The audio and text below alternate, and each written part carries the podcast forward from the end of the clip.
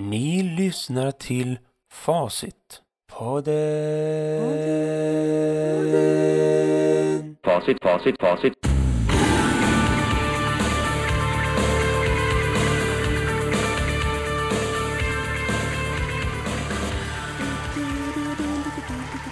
Ja men hallå allihopa, här sitter jag och nynnar på introlåten, min introlåt som jag har tagit från UFC 1, alltså första UFC någonsin från 1993.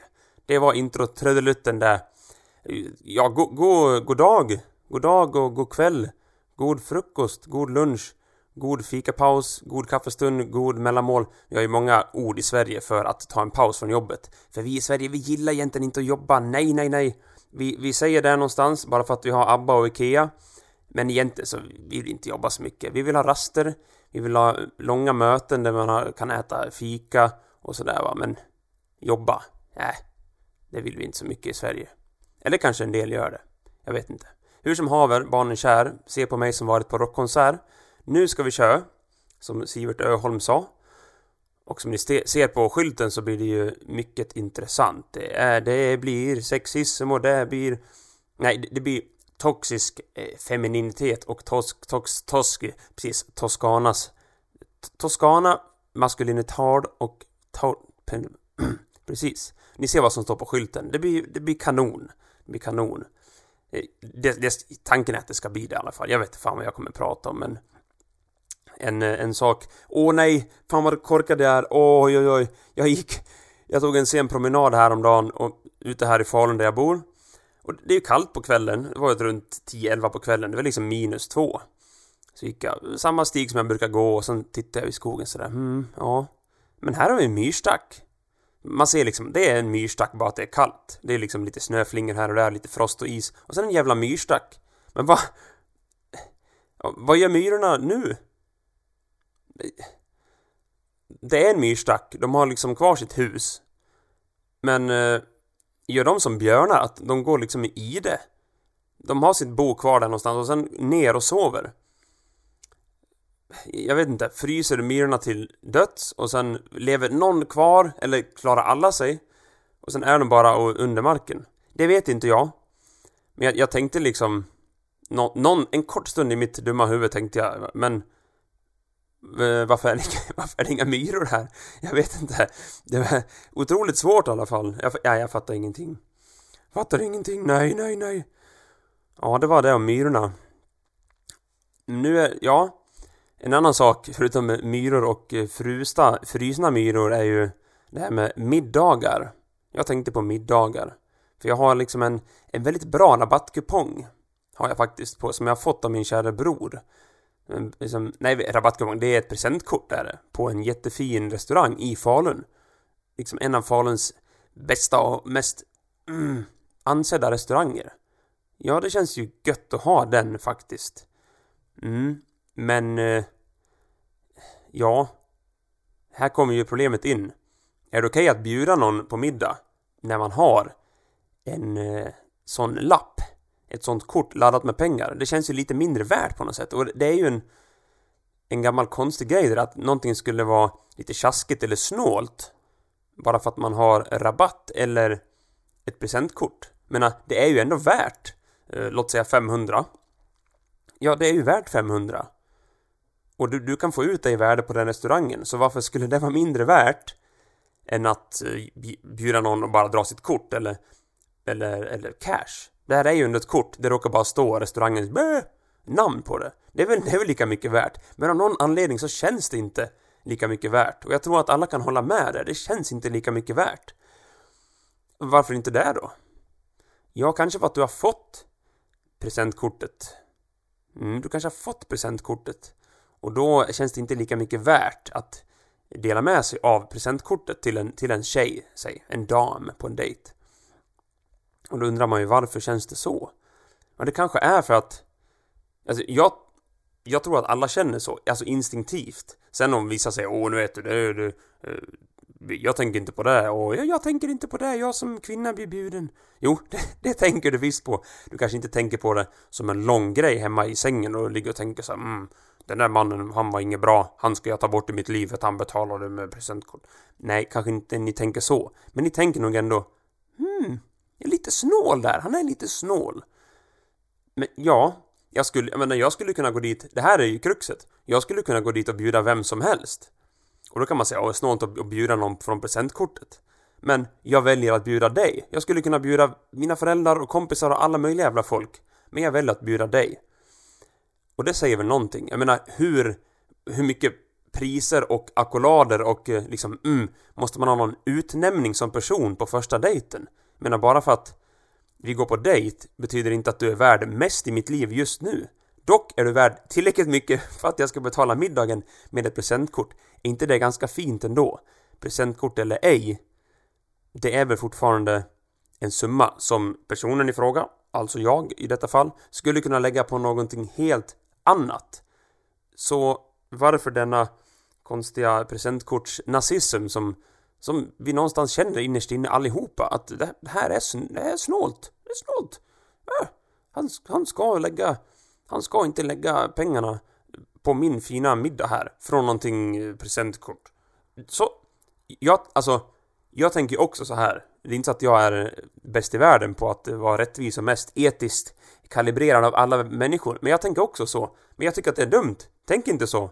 Det här är ju pengar som alla andra. Det råkar bara vara på ett annat kort som det står typ... Mm, ja, det står restaurangens namn på det. Så det är lika mycket värt. Men det känns inte som det. Men det är det. Men det känns... Ja, det är det. Det är lika mycket värt. Nu kör vi igång Facitpodden 36. Go! Facit podden. Ja, och med den eh, inledningen om, eh, om rabattkuponger och eh, presentkort så alltså ja, jag kan sitta och säga här om vad kvinnor uppskattar och vad de gillar på så här, i spenderarväg men någonstans så känns det för en kvinna, antar jag, jävligt bra om mannen spenderar massa, massa pengar. Men, men jag jag tycker det skulle vara kul och, som man att gå på dejt och sen bara förväntar man sig. Gud vad skönt. Man bara förväntar sig att någon ska typ greja och betala. Jag, jag vill inte betala. Jag vill aldrig betala för någonting om jag ska vara ärlig. Hellre få det gratis av någon kvinna som vill ligga med mig eller någon annan konstigt rabattsystem som kvinnor kan åtnjuta. Som inte män kan åtnjuta men som är liksom en tyst underliggande grej till hela samhället som bara ligger tyst sådär. Jag, jag vet inte vad kvinnor gillar men jag vet jag vet vad kvinnor tänder på. Eh, det är jag... Eh, Alltså, jag är ganska säker på det här. Alltså, kvinnor tänder på alfabeteende, machobeteende, övermanligt beteende, maktspel, självsäkerhet, överdrifter, hög inkomst och tänder också på kompetens. Vilket är tur eftersom kompetens är liksom en en meritokratisk princip som, som man kan skaffa sig. Du, du kan skaffa dig kompetens. Som alla faktiskt kan aspirera på, så att säga. Men kvinnor tänder faktiskt inte på utseende. Det är någon slags myt som går runt och det ska vara sexpack och muskler och fan... Alltså... Någonstans har kvinnor tutats i av samhället att det är okej okay att tända på mm, fina män och att du ska tända på snygga män. Men kvinnor gör inte det. Det är min upplevelse. Kvinnor tänder inte på utseende. En snygg karl med mycket muskler och fint hår kanske duger till någon måndagsknull någon då och då. Men om inte han har riktigt med pengar och, och liksom bra jobb så duger han inte i längden ändå faktiskt. Och detta är liksom mycket konstigt om man ska tro rådande politiska konsensus runt om i Sverige. Det är, det är något som inte stämmer. Det är något som inte stämmer. Och, och, och det är... Ja, alltså många kvinnor som vill vara så självständiga och starka, tuffa och tävlingsinriktade och klara... Ja, vilket de ska vara såklart. Vad har jag med det att göra? Ingenting. Vassa armbågar och liksom slå sig fram i näringslivets hårda djungel med skinn på näsan och allt. De väljer ändå, eh, trots allt, en man med mycket makt och titlar och fina positioner oavsett svinigt beteende. Oavsett pissigt beteende. Det är, det är något som inte går ihop. Folk säger en sak och sen är det inte så ändå. Något som inte går ihop. Det, det väljs en halvelak man gång på gång över världen och Sverige gång på gång, gång på gång det väljs en alfaman, alfabeteende, alfa Romeo, macho som fan, riskbenäget, övermanligt beteende, maktspel, självsäkerhet, överdrifter, hög inkomst, skryt och skrän och allehanda diplom på väggarna. Eventuellt ett och annat skärpt med liksom läderbyxor från ett djur som nyss utrotats. Typ albino, pung, koala, noshörningsvandrande pinne, elefanten. Som finns på något ställe på en ö utanför Nya Guinea. Som nu utrotats och imponerar som fan på gemene kvinna som, let's face it, tänder ganska mycket på utrotning. Det har vi kommit fram till. Och att kvinnor tänder på skryt och skrän, maktbeteende, elakheter, social dominans och utrotande av andra livsformer, det, det tycker jag är ganska väl etablerat. Men det talas väldigt lite om det. Det... Jag ska softa ner här. Det talas, ja det talas för lite, för lite om det. Det talas ingenting skulle jag säga. Och det här är något som, alltså, jag vill ju hitta på termer för allting som det inte finns termer för. Och det finns ju termer för allt som är dåligt med män. Eh, massa, och rightly so, det finns mycket dåligt med män som grupp. Uh, individuellt finns det ju dåligt med alla personer för att alla är ju en individuell sak som går runt här på jorden och gör bra eller dåliga saker som en individ. Men det talas väldigt lite om om eh, femininitet som har liksom löpt amok och blivit giftigt som fan. Toxisk femininitet, låt oss kalla det så. Det finns ju eh, ja, det finns ju toxisk maskulinitet. Det brukar ofta beskrivas som ja, vad är det? Jag, jag försöker... Det är ju typ som jag sa ovan, det är machokultur, det är skryt och skrän, sociala maktspel, överdrivet alfabeteende, total riskbenägenhet, tvivelaktiga gissningar och ett egosamlande på andras bekostnad. Mycket egotryckande på andras bekostnad så. Men det talas nästan ingenting om toxisk femininitet. Ja. Men det här, ja, vi, vi kommer till det, men, men mäns toxiska maskulinitet för att kunna säga så måste man ju i så fall definiera vad som är ett maskulint beteende som har löpt amok. Tjo! Vad är det maskulina beteendet som har löpt amok? Ja, enligt mig då. Men nu säger jag samtidigt att det här är ett maskulint beteende som är något sånär biologiskt betingat. Det är macho och det, är skryt och skrän och det är sociala maktspel och det är överdrivet alfabeteende och det är risktagande som helst ska visas upp för alla andra. Om tvivelaktiga gissningar och ego-boostande och egosamlande på andras bekostnad. Ja, det är inte bra. Och det har aldrig varit bra och det är inte så bra. Men tyvärr så tänder ju kvinnor på det, så att då fortsätter ju det beteendet finnas kvar. Jag kan sträcka mig till att säga att det är toxiskt maskulint beteende. Det är giftigt att bete sig på det sättet. Men varför beter sig män på det sättet då, kan man fråga sig. Ja, alla beteenden vilar ju på någon slags grund, på någon evolutionär basis. Där ett visst beteende är helt enkelt framgångsrikt för att få det du vill ha. Helt enkelt. Om det så är en bättre hydda eller en bättre elefant eller pil och båge eller kvinna eller någonting. Det är inte så att beteende bara kommer till om man inte tror på kreationism då. Varför nu Gud skulle skapa oss som våldsbenägna konstiga... Nej, jag köper inte, jag köper evolutionen köper jag och det förklarar allt jag bryr mig om. Ja, ja, alla beteenden vilar på en evolutionär grund. Ett beteende har valts ut för att det är framgångsrikt för överlevnad, basically. Och överlevnad är samma sak som... Är det inte samma sak, men överlevnad som i att föra vidare dina gener, som i att få massa sex med massa folk. Ja. Och... Eh, ska man sprida max antal gener som man så så ska du ju ge dig på, eller ja, du ska förföra på något sätt, ljuga ihop någon historia som fäller maximalt antal kvinnor på maximalt kort tid. För att om en har blivit gravid, då kan du inte föra dina gener vidare igen. Du kan inte få liksom 20 barn och bara pumpa in sperma. Det går inte, det funkar inte så. Det kanske är socialt konstrukturerat att det inte funkar så. Men jag anser att man kan inte få 20 barn bara för att man ligger 20 gånger med någon man som uh, sprutar in. Det går inte. Men som sagt, patriarkatet kan vi också fälla för det. Ja, det kan vi. Vi kan, vi kan skylla allt på patriarkatet. Mm. Varför beter sig män på det sättet då? Om man nu säger att det är toxiskt på något sätt. Ja, det är ju för att de vet att kvinnor tänder på det och att de får ligga om de beter sig så. Så är det och det är enkelt och det är liksom inget... Det är ingen märkvärdig sak. Det är ju det är bevisat genom årets lopp genom årtiondena, århundradena, årtusendena och årmiljonerna nen en en enna en en nen menna nen en miljon min nen nen nenna menna min min nen nenna miljonerna. Och det är det som är toxisk femininitet. Att eh, producera fram ett visst manligt beteende bara för att det får liggas på det manliga beteendet. Det är... Vi kan, vi kan skippa toxiskt, vi kan säga dåligt bara. Vi kan säga dåligt feminint beteende. Och den lämnas oetablerad och, eller vad säger jag, odebatterad. Och det diskuteras ingenting och det ventileras ingenting. Och då lämnas den ju, eh, ja precis som toxisk maskulinitet.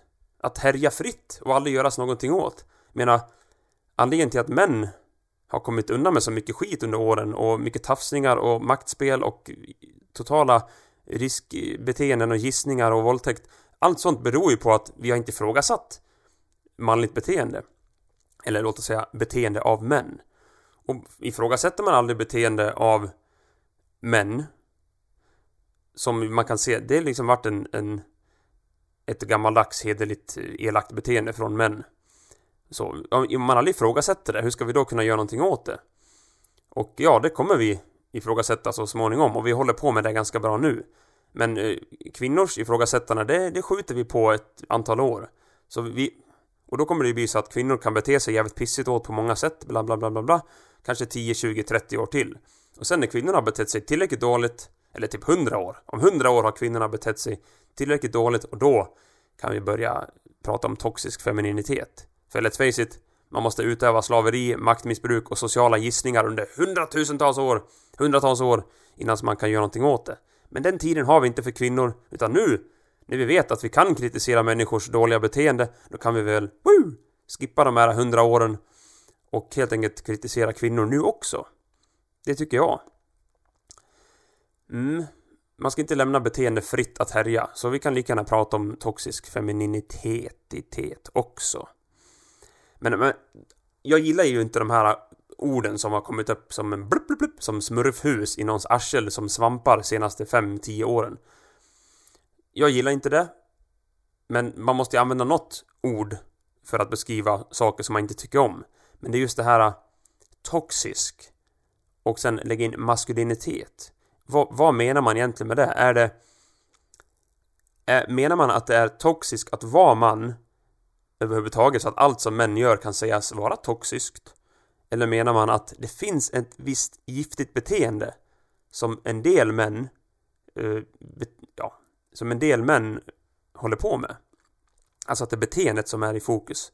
Men om beteendet är i fokus, då är det väl då är väl liksom maktmissbruk och machobeteende och elakt beteende och gissningar och socialt eh, så det är väl lika dåligt om en kvinna gör det. Så antingen får man nog säga att eh, beteendet är dåligt för att män gör det och då är det, mass då är det toxisk maskulinitet bara för att en, man har gjort, en man har gjort det.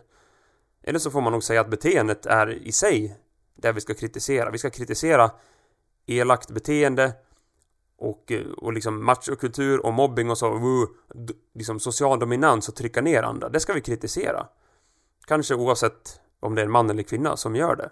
Eller någon som har opererat om sig till, till räv, eh, något sånt. Alla de här ny, alla de här ihopkokade orden, vad är det för någonting? Det kokas ihop massa ord. Det, jag tycker att det är skit, det är piss, det är verbal och retorisk diarré som vispats ihop av eh, eh vispats ihop av illasinnade politiska kemikalier liksom i en stor gargamelsoppa med, med smurfar liksom politisk soppa av nej det är liksom syfte att demonisera ett visst segment av populationen, om det så är invandrare eller män eller vilka det är, för egen vinnings skull, känner jag.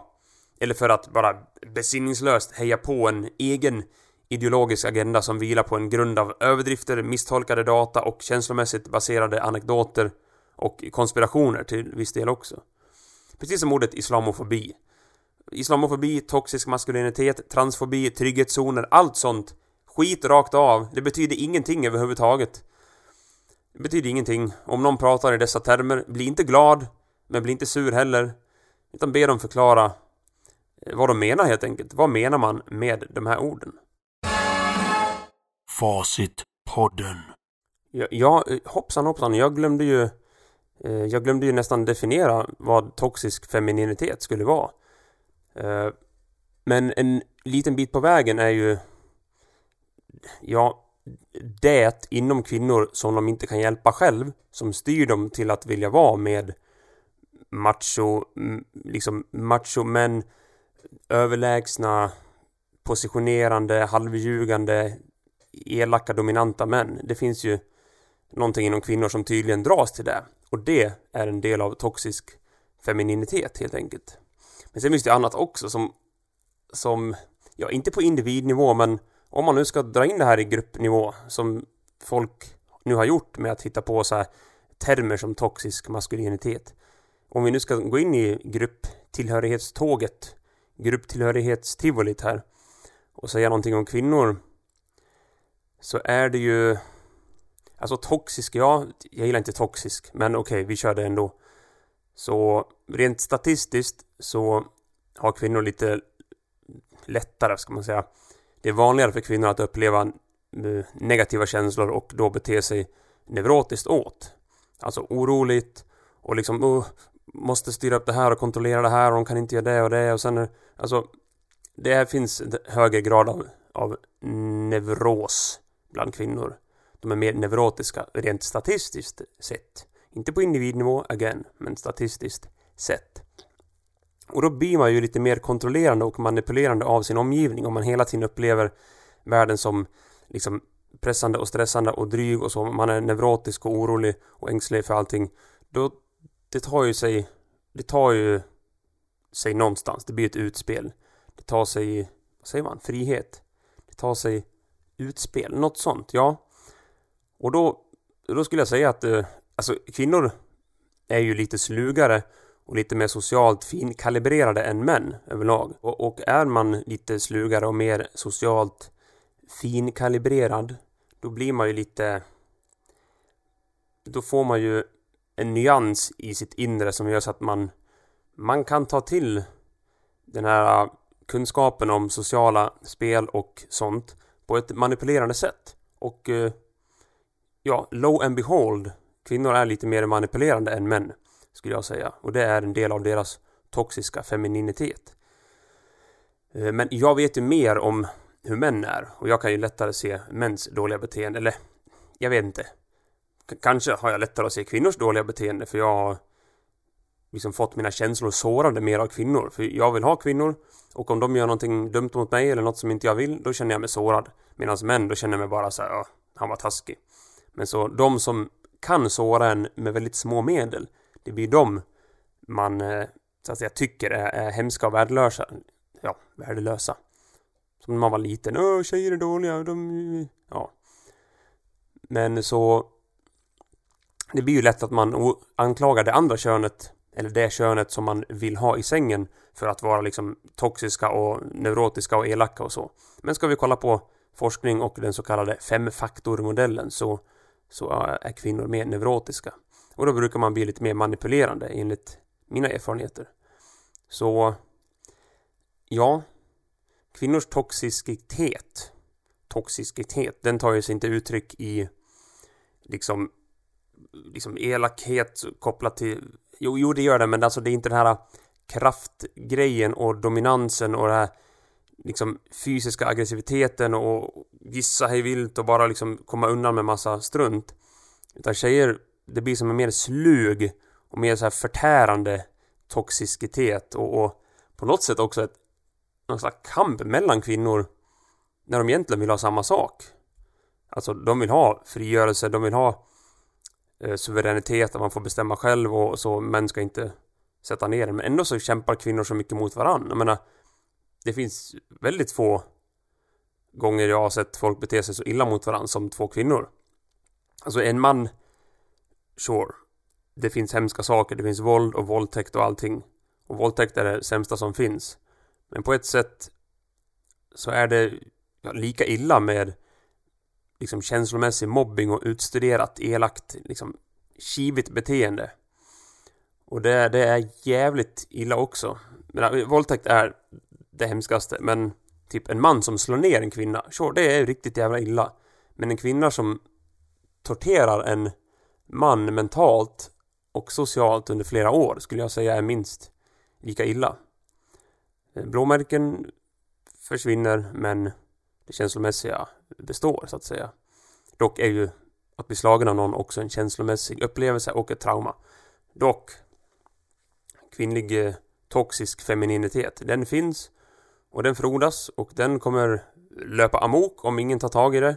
Och framförallt om, om männen är så beroende på grund av dålig självkänsla av att kvinnor ger dem uppmärksamhet och, och sex och allting, då kommer ju de smöra som fan. Så kvinnors... Så, mer, så, mycket, så, så länge män bara smörar för kvinnor och aldrig säger till när de gör något kast, då kommer ju kvinnor fortsätta vara på sina pissiga sätt. Och lika, om kvinnor fortsätter välja elaka, domderande, superkillgissande, ja, macho-män. Om kvinnor fortsätter välja dem, ja då kommer de frodas i massor, i drivor, i alla länder, i alla kulturer framöver. Så så blir det. Man kan inte säga på gruppnivå betraktat att vi vill inte att, att eh, män ska vara så här. Men vi väljer ändå sådana män. Och män kan inte säga att vi vill inte att kvinnor ska vara så här. Och sen välja sådana kvinnor. Utan då får man liksom stå, stå sitt kast och välja bra personer helt enkelt. Den här kategorin bra personer som är så svårt att bena ut. Men ja, på något sätt är det lättare och, uh, att kategorisera toxisk maskulinitet. För, för på något sätt vapen och muskler och, och slagsmål och, och liksom dominans så, det är liksom lättare. Men det är sluga, mer så kiviga och konkurrenskraftiga elakhets-tjejbeteendet. Det är lite svårare. Men det finns, tro mig. Facitpodden. Ja, nu märker jag ju själv här i min stol att Facitpodden har Börjar handla mycket om så här, politiska grejer och ord och definitioner om ord så här, eh, om ja, vad som är vad och vad som ska vara kallas för eh, kvinnligt och manligt och så. Men, men det är ju mycket prat om det på tv och nyheter och det, det är liksom inte som att vi måste veta vad vi menar med kaviar. Menar vi den här kaviaren som ligger fint förpackad i en sån här glasburk som kommer från Kaspiska havet och så här rysk kaviar med, med stör och så. Eller menar vi kaviar som Kalle som man bara bli trycker ut i en tub. Alltså en del saker behöver inte definieras så mycket men sånt som genomsyrar liksom ja, politiska samhället och nyhetsinslag och sånt som presenteras som fakta. Då, då blir det viktigt tycker jag. Speciellt när det handlar om saker som är riktigt hemskt. Alltså diskriminering, jag tänkte säga diskriminitet här, men diskriminitet, det är väl, ja, diskriminism. Precis. Ja, handlar det om diskriminering och rasism, allt sånt, då får vi banne med vara noga. Men folk är nog inte... Det är som att folk inte bryr sig om att vara noga, för att så länge det stör i deras agenda så behöver de inte säga vad de egentligen menar med saker, utan det är bara ja, det ser bra ut här och folk tycker som jag, då, då är ju det bra. Nej, det gillar jag inte. Men jag ska försöka och jag har ju märkt tidigare i podden så pratar jag mycket om saker som jag tycker om. Typ nu pratar jag om vad pratar jag om? Dopning och, och, MMA, alltså fighting och saker som jag tycker om. Det kanske jag också ska göra lite mer. Så att det inte bara blir gnällfacitpodden. Man vill inte ha en gnällfacitpodd. Nix, nix pix. Men i alla fall, gnälla ska det. Gnälla bör man, annars dör man. Så, så länge man gnäller intelligent och lite bejakande så länge det inte bara är mu, mu. Man kan ju säga vad man vill göra istället för de sakerna man gnäller på. Så att ja, intelligent, humoristiskt, djupt och tankemässigt gnäll, det, det, det står jag för. Det, det tycker jag är bra. Hur som helst, hur som haver. De här definitionerna och allt sånt. Alla sådana grejer. Viktiga saker som inte bara handlar om typ eh, vad vi ska kalla kaviar utan så här köttiga saker som repeteras mycket i media och runt om i Sverige. Det var ju ett typexempel på det som jag hörde häromdagen. Det var en vecka sedan, idag.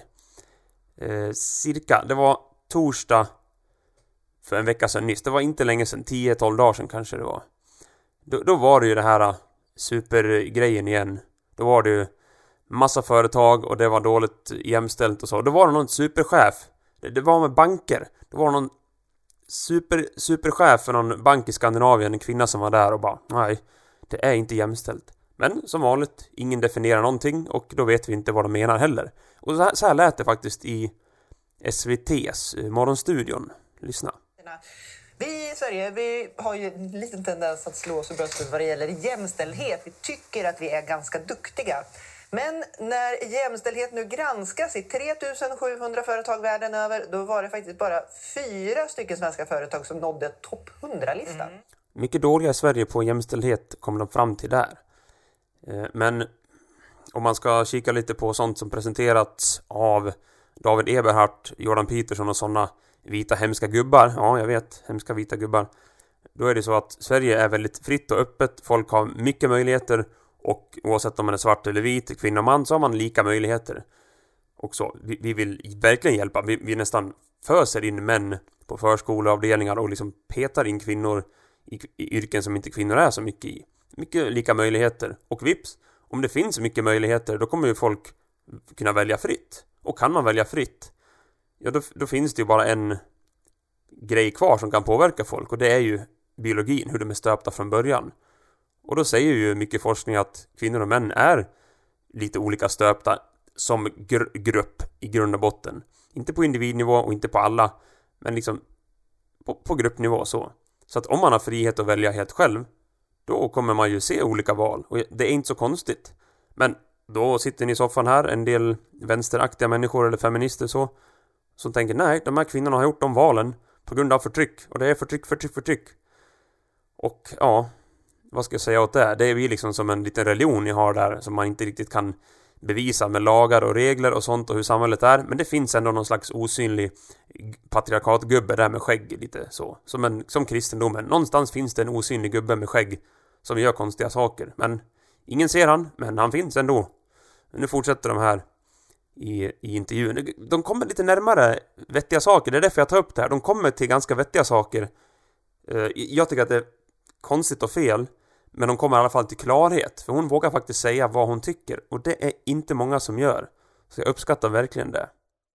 Vilka är då i topp? Ja, det är norskt naturligtvis. Etta på listan, den norske bank eh, DNB och VD för DNB i Sverige eh, sitter här hos oss nu, Elisabeth Beskow. God morgon. God morgon. Sen ska jag säga det att vi, det finns fortfarande delar och avdelningar som fortfarande inte är fullt eh, jämställda, så det är ett arbete kvar att göra. Jag tänkte säga till det, även fast man då eh, är det mest jämställda företaget betyder inte att man faktiskt är helt jämställt. Exakt. Och, och där håller jag verkligen med. Jag menar, bara för att man är bäst på någonting eller, eller mest bäst, riktigt bra på jämställdhet, så ska man inte sluta göra ännu mer. Men frågan kommer ju fortfarande ner till att de inte definierar ett piss. Vad är jämställdhet? Mm, de säger inte... Men hon, hon kommer lite närmare vad hon menar i alla fall. Men ändå, tillräckligt bra? Nej, det är det inte. Men man vill inte hamna i barnen i Afrika-argumentet som jag sa förut. Att, eh, menar bara för att man mår ganska bra i ett land där folk har hyfsat med pengar och så. Så betyder det inte att man ska sluta försöka göra det bättre. Så man kan inte bara fokusera på de som har det riktigt illa och där det är riktigt ojämställt och kvinnor får knappt köra bil. Men vi ska fortfarande fokusera på de länderna som det är ganska bra i. Alltså barnen i Afrika-argumentet, vi kan inte fokusera på där det är mest piss. Vi måste också fokusera på där vi kan göra det bättre, trots att det är ganska bra. Men, men man har en väldigt strategisk syn på det på DNB, vilket har gett resultat. Ja, resultat har det gett. De är ju högst upp på bank DNB. DNB. Men nu sitter kanske någon hemma i soffan eller i bilen och bara Olle, hallå Facitpodden. Ska vi inte hjälpa Ska vi inte hjälpa företagen att bli mer jämställda? Jo, det ska vi verkligen. Men äh, har man ett företag, låt säga att det är 50 kvinnor och 50 män på företaget. Och sen i styrelsen så är det typ fem pers, varav typ alla är män, eller fyra, fyra är män. Då kan man kanske fråga sig, varför är det så? Och då kanske man ska ha rejäla jävla samtal i sitt kontor och bara Men okej, Sara, Matilda och Johanna allihopa. Eh, känner inte ni att ni vill eh, försöka få de här positionerna? Alltså man ska ju uppmuntra folk till att göra som de vill och liksom kanske ta lite risker och sådär, vara lite mer eh, råbarkade, har lite mer skinn på näsan och mod. Men då kanske man har ett möte, men vill inte ni ha de här, vill ni inte jobba liksom och söka den här tjänsten där? Bara, Nej, det vill ni inte, vi ska göra det här och det här och det här. Jo, ni måste, ni måste söka den här, vi ska, ni ska in på styrelsen oavsett ni vill eller inte, eller om ni är kompetenta eller har utbildning, ni ska in, så är det bara. Kanske någon säger, nej jag vill inte. Jo, du ska in. Ja, varför då? För att du är kvinna och det måste se bra ut på mätningarna, fan i mig. Nu sätter du dig i styrelsen, jävla fan. Mm. Men så hur jämställda är ni då? Och, om, man, om man inte ska bara tänka vi är minst dåliga utan vi... Nej, alltså, utifrån den, den strategin som ligger, och jag skulle säga så här att det Norge har som är eh, väldigt eh, viktigt tror jag, det var att för tio år sedan så lagstiftade man ju om att styrelserna på börsbolagen skulle... Åh, lyssna här noga nu. Snart kommer det ordet med stort K som i Konrad. Snart kommer det... Mm, nu kommer det... kvotera in kvinnor. Och kvotering har liksom delat framförallt oss kvinnor i två läger. För många kvinnor säger att de vill bli eh, rekryterade på kompetens och inte bli inkvoterade. Men med det säger vi ju också att vi inte är lika kompetenta som männen. Så Ja, vänta här nu. Alltså, det hon säger här att de kvinnorna som säger att vi vill bli anställda på grund av kompetens. Då skulle den här chefen då, säger hon verkligen att med det så menar vi att kvinnor inte är lika kompetenta som män. Men vem har sagt det? Alltså vi pratar inte om intelligens, vi pratar om om den, ja, arbetslivserfarenhet och utbildning man har. Och vad är det som säger att en man och en kvinna skulle ha lika mycket där? Men äh, själva grejen med det här är ju att vi anställer de som är bäst på någonting. Och... Så jag, jag, jag förstår inte vad hon säger. Jag förstår inte svårt att sitta i en styrelse och vara jämlik och inte ta upp den här frågan. Vilket gör det till ett strategiskt beslut. Ja, jag hoppas verkligen ni är jämlika på jobbet och att ni ser varandra som jämlikar, nämligen. Jämlik, där har vi ett ord. Det definierar de inte, men jag tycker att det är ganska tydligt vad jämlik betyder. Och det är att man helt enkelt ser den här personen som lika mycket värd som den. Alltså människovärde. Du är inte bättre för att du är man, du är inte bättre om du är kvinna, du är inte bättre om du är ljus, du är inte bättre om du är mörk, eller fattig eller rik. Jämlikhet. Frågan är om det är samma som jämställdhet. Nej, det skulle jag inte säga. Jämställdhet... De definierar ju aldrig det som ingen vet ju vad det betyder. Jag skulle säga att jämställt är när två olika grupper oavsett kön, etnicitet, religion, sexualitet, alla, la, när två olika grupper har samma möjligheter att göra det de vill. Det är jämställt. Ja, det, jag tror att det vi har konstaterat är att vi har inte råd att rekrytera från 50 procent av befolkningen. Vi är ett kunskapsföretag, vi är ett teknikföretag framöver, ett teknologiföretag. Vilket innebär att ska vi liksom, säga, få tag i de bästa medarbetarna så måste vi ha tillgång till hela underlaget. Och det stämmer. Ja, det är väl självklart. Du ska inte utesluta 50 procent ur befolkningen på grund av hur de ser ut eller vad de har mellan benen. Det är väl jävligt enkelt och jämlikt framförallt. Tillgång till hela underlaget och det ställs tydliga krav. Oh, krav är bra. Bra att ni ställer krav. K kanske då använda den kravuppfyllelsen som en markör för om man får jobbet eller inte. Ställer ni krav? Ja, följ kraven. Om man tittar då på den här listan, 3700 företag, bara 10 av de här företagen var jämställda på alla nivåer som man tittade på. De tittade på styrelse, ledning, chefsled och medarbetare. Ja, och det här låter ju väldigt dåligt. Frågan är, vad är det som är dåligt? Vad är det som inte är jämställt? De säger inte så mycket, de säger bara att det inte är jämställt och de har tittat på alla nivåer. Alla nivåer har de tittat på. Alla nivåer! Hur, hur kan det bara vara 10? Det är ju bedrövligt. Och den här listan är inte så himla smickrande heller för Sverige, för här är de 100 då, topp. Där ligger ni först. Eh, sen verkar det vara någon australiensiskt och brittiskt och så bara fyra svenskar där. Mm. Är det kvoteringsfrågan som lö skulle lösa detta tror du, att få upp dem? Eller vad, ja, men det, det, har ju skett förbättringar. Det kan väl eh, till exempel årets Allbright-rapport redovisa. Men ska vi fortsätta i den här takten så kommer det vara eh, jämställt i ledningsgrupperna för börsbolagen först år 2042. Eh, och då jobbar ju inte jag längre. Så jag tror så här att ska vi få liksom, lite acceleration i frågan så tror jag kvotering på styrelse är en väg att gå. För då går det inte strategiskt att undvika frågan. Hur många bankchefer tycker som du? Jag, jag, tror att många bankchefer eh, tycker som, som jag faktiskt. Men jag tror inte att man riktigt har vågat kliva in och, och mäta. För det är det, alltså det, jag tror att det är viktigt. För annars så ser man ju inte förflyttningen heller. Men... Jag kan förstå att de inte har vågat. Och jag kan säga varför. Det är för att, eh, ja, om vi vill ha jämlikhet. Att vi ska anse varandras värde vara jämnt och likadant. Människovärdet oavsett kön, kvinna, man, ljus, mörk etc. Då ska vi ju inte ge någon en fördel eller ett jobb eller en position eller en styrelse eller någonting bara på grund av om de är svarta, ljusa, kvinna eller man. Vi kan inte hålla på att ge folk saker på grund av hur de ser ut. Det är väl det vi vill vi vill komma bort från. Vi kan inte ge folk fördelar på grund av om de är man eller kvinna. Men då kanske någon säger så här. Jo, men män har ju fått fördelar hela livet förut. Då är det dags att ge kvinnorna mer fördelar nu. Så om det var orättvist förut, då ska vi ha orättvist nu. Så kanske det landar någonstans rätt. Jag förstår att man tänker så. Det är väldigt lätt till hands att tänka så. Men tänk så här då. Om det är ett företag, så är det 100 pers på företaget. Ja, sen är det 50-50 i någon styrelse eller på anställd.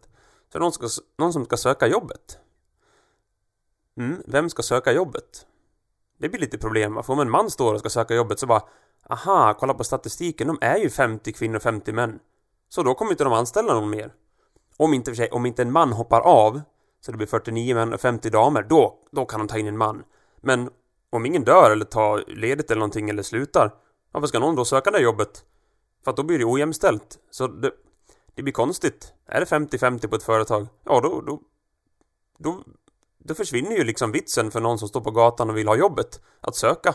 Varför ska de söka jobbet om det inte får vara något annat än 50-50? Det är ju ingen idé att söka det jobbet. Som bankkund så skulle man kunna säga så här att eh, jag skiter väl i vem som förvaltar mina pengar så länge som det blir bra. Varför är det här viktigt för oss som kunder? Jag skulle säga...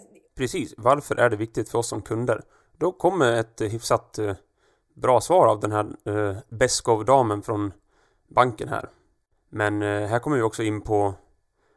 Ja, låt säga att kunderna bara väljer en bank som har 50-50 anställda kvinnor och män eller på styrelsenivå på alla nivåer.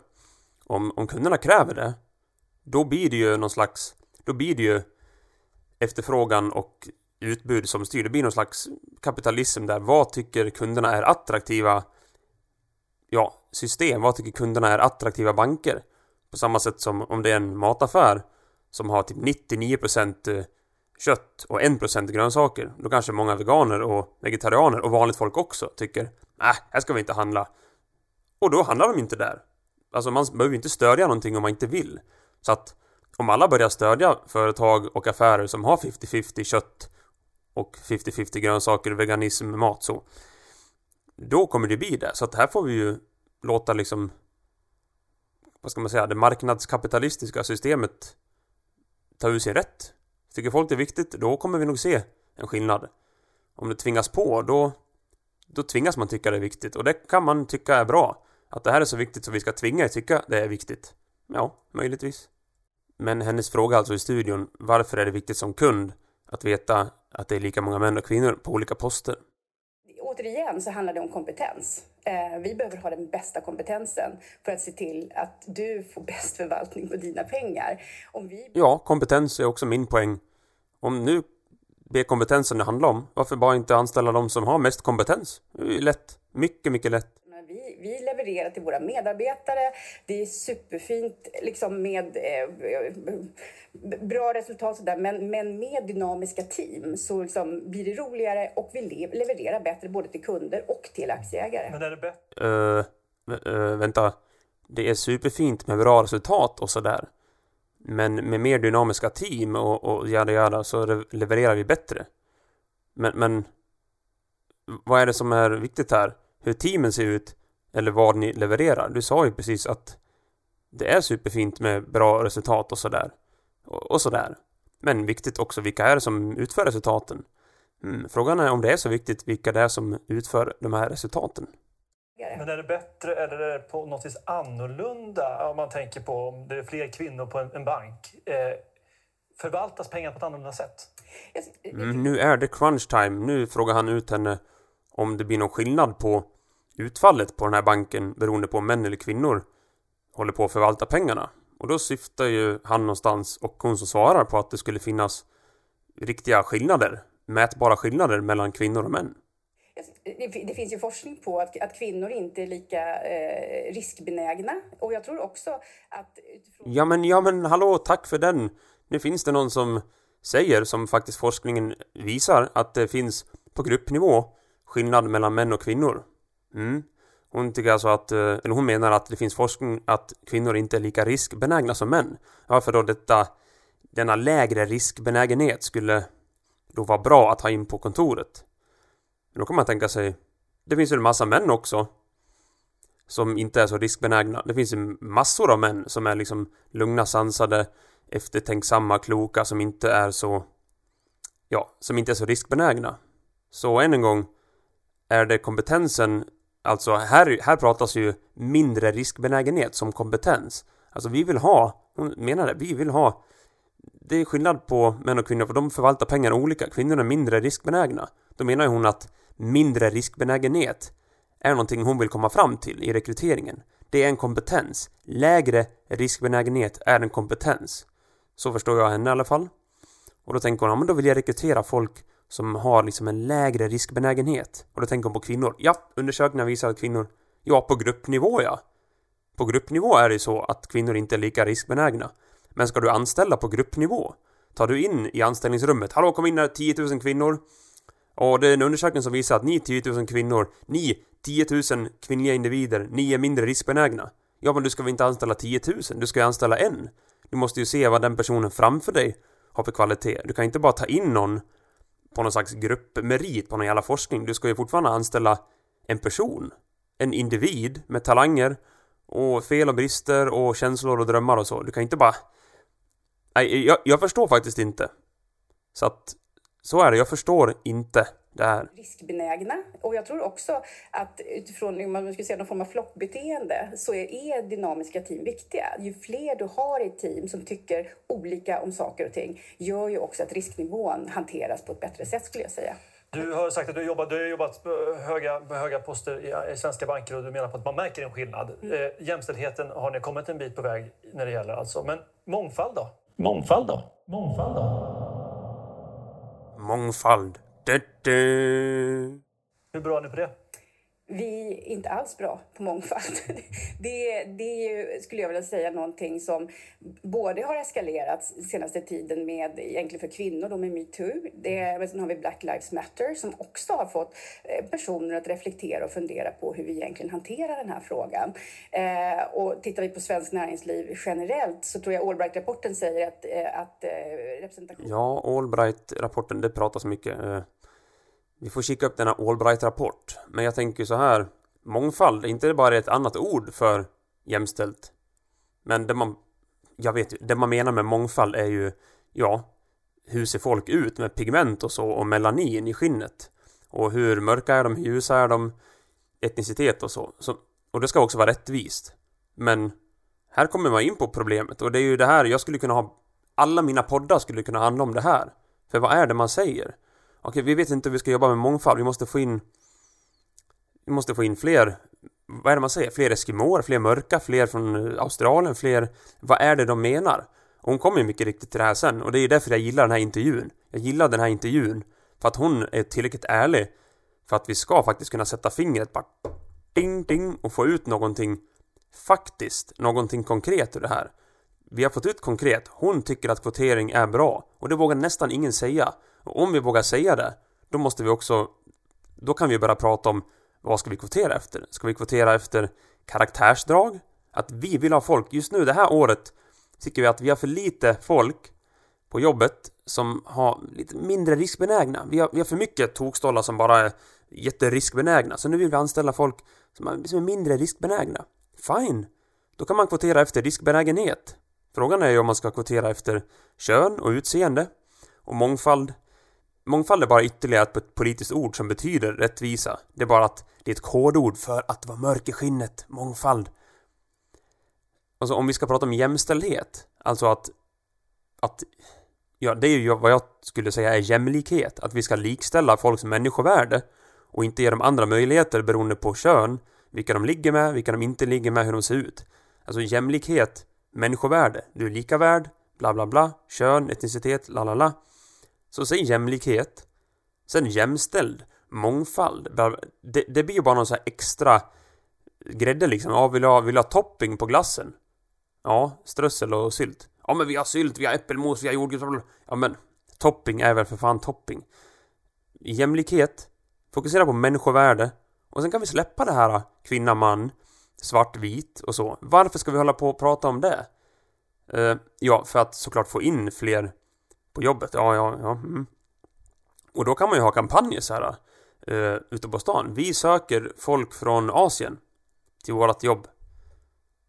Det kan man ha för att få in mer asiater på sin bank i Sverige. Men hur skulle det se ut? Alltså, vem vill ha en affisch på stan där det står Vi söker Eskimoer, vi söker sydamerikaner, vi söker... Kan det inte stå så här Vi söker erfaren kompetent person som har den här utbildningen på universitetsnivå, som klarar bra i team och bra vitsord och bra CV. Det kan det väl stå? Du kan inte skriva liksom, vi vill ha indianer. Alltså, det är så jävla korkat så att jag blir ju lite, ja, mörkrädd för att använda ett etniskt diversifierat ord. Jag blir, jag blir ljusrädd kan jag säga. Jag blir grårädd. Nu har vi ordet, jag blir grårädd. Vad fan är det jag hör? Alltså, nu har jag bakat upp en historia om den där kvinnan, men om vi går åter till Beskov-kvinnan så ska ni föra vad hon faktiskt eh, säger här. Att, eh, att eh, representationen i svenskt näringsliv är i, i företagsledningen bara 11 procent när vi tittar på mångfald. Mm. Och du sa här innan när vi pratade lite grann att vi har inte ens ord Nej. för hur vi ska prata om det här. Nej. Det, och det, och, så det krävs utbildning. Eh, ska man säga färgad? Ska vi säga svart? Ska vi säga vit? Ska vi säga de som är icke-vita? Eh, idag är det 30 procent enligt en studie i Karlstad som har utomeuropeisk bakgrund som finns i Sverige. Om vi då säger att vi inte jobbar med jämställdhet och vi tittar inte på den här gruppen, vad har vi då kvar att rekrytera ifrån? Ja men åh, din, din dumme fan. Det är väl ingen som säger att du inte ska rekrytera folk som är mörka eller kvinnor eller vad de nu är. Det man då kan, det man då kan säga är att vi ska inte rekrytera folk som inte klarar av uppdraget eller som har dålig kompetens, dålig utbildning, dålig erfarenhet. Det är det vi säger. Vi, jag, folk... Eh, bank, eh, vad är ditt eget ansvar att det fortfarande ser så illa ut? Nej, men jag får ju säga att jag har ju absolut varit en del av, eh, av problemet. Så det finns ju oerhört mycket att göra. Eh, och, för, och för mig har det varit viktigt att, eh, att utbilda eh, och ta tag i frågan. vad säger... ja, jag har ett tips på det här, som att vi får en lösning på allt faktiskt. och den går så här. Anställ folk efter om de är bra på saker. Mm, det är ganska bra. Men sen kan det ju se ut så här att, ja men på det här företaget och framförallt i styrelsen har vi ju väldigt få med utländsk bakgrund. Så då kanske man kan gå ut med en kampanj och säga vi har få med utländsk bakgrund och varför det? Kanske ni är blyga? Eller vill ni typ eh, har ni, känner ni er att det här, det här är ingenting för mig och det finns inte så många före mig och sådär att ni vill bli uppryckta? Ja men kom hit! Vi ger er gratis utbildning om ni är mörka, eller nej, det kan man inte heller göra. Alltså, på ett sätt så, det här landar ju i någon slags rasism. Alltså, hur ska man... Det går nästan inte att prata om det här utan att begå någon slags, eh, liksom, i någon intellektuell rasism. Frågan är typ bara vilken rasism som är bäst. Jag skulle säga att all rasism är dålig. Men ska man anställa folk beroende på hur de ser ut, då, då blir ju det rasism. Så, vad är lösningen? Jo, lösningen är anställ folk som är bra på någonting utefter kompetens, erfarenhet, vad som står på CVt, vitsord, om de har skött sig, kommit i tid, gjort ett bra jobb. Sånt kan vi anställa på. Då slipper vi rasism. Kanon, kanon. Elisabeth Beskow, VD Den Norske Bank Sverige. Tack för att du kom hit till Morgonstudion. Tack så mycket. Eh, och med det så ska vi prata lite grann om vädret. Ja, eh, nu pratar vi om vädret. Ja, jag tycker att det var skitbra att de tog dit henne. Jag tycker folk ska få prata i TV och på bra tid och Nyhetsmorgon och Morgonstudion och så. För att det är väldigt många företagsledare och liksom högt, högt uppsatta banktjänstemän och så här, oh, ordförande. De kommer inte till sånt där för de vet att de kanske säger något fel, något som inte kan tolkas så bra. Ja, då blir det rubriker och då blir det brev och hot och hat och jävla Instagram skit. Ja, hon kommer dit och hon, hon står för någonting. Och det är det fan brist på i Sverige. Så att Alltså, för mig är det nästan skönt att någon står för någonting överhuvudtaget. Oavsett om jag håller med eller inte. Hon kanske tycker kvotering är bra. Jag kan säga att då kommer hon hamna i, i väldigt mycket etiska beslut som rör kvotering. Till exempel om jag kvoterat 50-50 så om vi tar jämställdhet män och kvinnor så är det ett företag. Här har vi 100 pers som jag sa tidigare. 50 är kvinnor, 50 är män. Och sen är det någon som söker på gatan. Ja, en kille från Kongo. Okej. Okay. Uh, men vi har ju 50 män och 50 kvinnor. Ja, då är det jämställt. Ja, men här visar det sig att vi har ju bara 10 stycken eh, som verkligen mörka afrikaner. Om då är det 90 men då är det ju 90 uh, eh, vita bara. Okej, okay, då är det 90 vita. Mm, ja, då måste jag ha 50 afrikaner också. Så, så 50 kvinnor och 50 män och... Nähä, det går inte. Vi är ju 100 pers. Vi kan inte ha 50 män, 50 kvinnor, 50 afrikaner. Det blir 150. Nej, det går inte. Kanske vi kan anställa 50 svarta från Afrika som har jättelite lön. Så nej, det kan vi inte heller göra. För, alltså, hur ska vi lösa nu? Jo, vi tar en afrikan, en sydamerikan, en inuit, en kazak en mongol, en altaisk person, en same, en rom, en eh, sån här längst upp i Kanada, fan nu det heter. Sen tar vi en aborigin. Så tar vi en sån här Sydeuropeisk, sydeuropé, så här Cypern, eh, fint skinn, Cypern, Grekland. Så tar vi en nordafrikan, typ Egypten, eh, Tunisien där. Och sen tar vi en... Ja, sen blir det en av varje. En av varje vadå? Ja, hur många varje finns det? Hur många grupper kan vi dela in i? Hur mycket kan vi separera folk i små grupper innan det går överstyr? Ja, en grupp är ju stabilt. En grupp som kallas människor och vi är bra på saker och dåliga på saker. En del är jättebra på typ matte och sånt och en del är inte så bra på matte. Och en del är jättelånga och bra på basket och då får de spela i NBA. Så enkelt kan det vara. Eh, eh, så enkelt kanske det inte är jämt, men ibland är det... Ibland tycker jag att det är enkelt. Hur som helst. Att Elisabeth Beskow kommer in från någon sån här Uber-chefsbanks-Berit-grej. Det är fan bra. Så att eh, hon kommer få jävligt svårt. Alltså, du kommer ju få etiska svårigheter om du ska anställa folk för det första.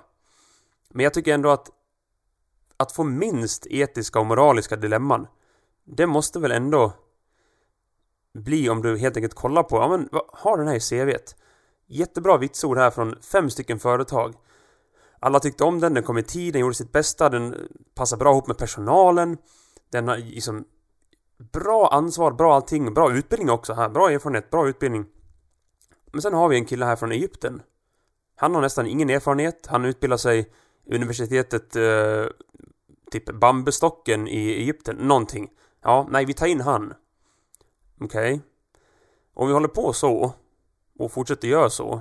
För det första måste vi dela in folk i oändligt antal grupper för att fortsätta att göra så. Men då måste, då blir det ju som att Ja, den här killen här från typ Eskilstuna som söker det jobbet. Mm, nu ser vi här, det är 50 svarta och 50 vita på det här jobbet. Så kommer han som vit kille. Ja, det är ingen idé att söka jobbet. De är redan fullt. De är fullt. Och det här tycker jag är hemskt för det första och det är rasistiskt för det, för det andra. Men sen blir det ju också som förut. När man hade typ betyg i skolan. När det var bara... Eh, ja, vad fan var det? Det var liksom ett visst antal femmor kunde delas ut. De hade liksom så ja det här, om ni kan det här då får ni femma. Ni, okej du, nu har ni fått femmor här i klassen. Jag tror, det var ungefär så här, det var 20 pers i klassen. Läraren kunde bara dela ut typ, typ fyra stycken femmor. Det var fyra stycken som kunde få toppbetyg. Så det var fyra personer som var as iber fan bra, de får femmor. Men de andra som också är as-über jävla bra, de får inte femmor för att de typ det finns liksom ingen gräns utan det är bara så här kvotering på betygen. Så att vissa kan bara ni, ni hör ju hur dumt det blir. Som att... Ja. Det här är ju det är mycket problem i världen, men jag känner att minst moraliska problem som en anställare eller någon på ett företag, det får man väl om man helt enkelt skiter i religion och hudfärg och könstillhörighet, vad man nu kallar sig. Det är väl ändå bäst. Det är väl ändå bäst. Och så kan man säga här i soffan, ja men Olle, du kommer ju från en grupp som är privilegierad och du är vit medelålders man som är heterosexuell. Jag är 38 år snart. Jag är hyfsat vit, ja, sant. Och heterosexuell, ja. Och då spelar det ingen roll vad jag gör, eller? Mm. Vad är det som säger att jag har haft det så bra jämt? Jag har jobbat inom vården, fått dåligt betalt. Tagit mycket så här ledigt och rest runt mycket. Därför har jag fått dåliga anställningar. För att jag har varit så en instabil som åker runt och säger upp sig hela tiden. Och sen har jag liksom svårt mentalt. Jag har svårt med ångest, jag har svårt med sömn. Jag har svårt med självbild, jag har svårt med massa saker. Så ja. Nej Olle, du har haft det tufft här men... Eh, men du tillhör ju en grupp där många har haft mycket makt förut och ni hade slavar och sådär och så. Mm. Så att eh, det är inte så viktigt vad du säger, bara så du vet. Mm. Nej, det är inte så viktigt vad jag säger faktiskt. Eh, och det... Eh, jag säger viktiga saker, men det är inte viktigt för att jag säger dem. Hur jag ser ut eller var jag kommer ifrån spelar ju ingen roll. Och det här sa ju faktiskt Backstreet Boys i en låt förut. De sa ju I don't care who you are, where you're from, what you did. Och vad säger de sen? As long as you love me. Jo, precis. Kärlek är bra. Kärlek kan vi heller i och för sig inte anställa på. Men vi vill inte anställa på någon som hatar folk. Så, nej, kärlek är bra. Kärling mycket bra. Och vi ska lyssna på folk, tycker jag, oavsett hur de ser ut eller vart de kommer ifrån. Nu kommer vi tillbaks till Martin Luther King helt enkelt. Ska vi prata om innehållet i någons karaktär och någons personlighet? Eller ska vi prata om Color of their skin. Ja, jag röstar för som vanligt i Facitpodden att vi röstar för att vi tar i beaktning the content of one's character, ens inre innehåll och ens personlighet och karaktär. Det röstar jag för. Facitpodden. Ja, men då wrappar vi ihop detta avsnitt. Och det var lite toxisk femininitet och toxisk maskulinitet. Och sen var det ju Nyhetsmorgon som pratade om jämställdhet och så. Och det, ja, det, det, blir, det kommer bli mycket sånt prat i den här podden. Men det kommer också bli så här hyllande saker om hyllas. Det som hyllas ska upp på en hylla. Hyllas ska det göra. Så att så blir det. Men tack för att ni lyssnade idag. Tack för att ni stödjer min podd och sprider den och lyssnar och så. Det tackar jag för. Jag har också en sida numera som heter swedishquizmaster.se Där ligger det lite frågesporter som jag har lagt ut faktiskt. Inlästa och färdigfixade frågesporter. Och lite olika saker som jag kommer försöka sälja så småningom. Så berättarröst och narration och jinglar och små ramsor och omgjorda visor och så. Jag ska, jag ska försöka sälja sånt. Precis. Tack för att ni stödjer Facitpodden. Kika in på swedishquizmaster.se Ja. Tack och bock. Vi ses och hörs. Hej då, hej då, hej då.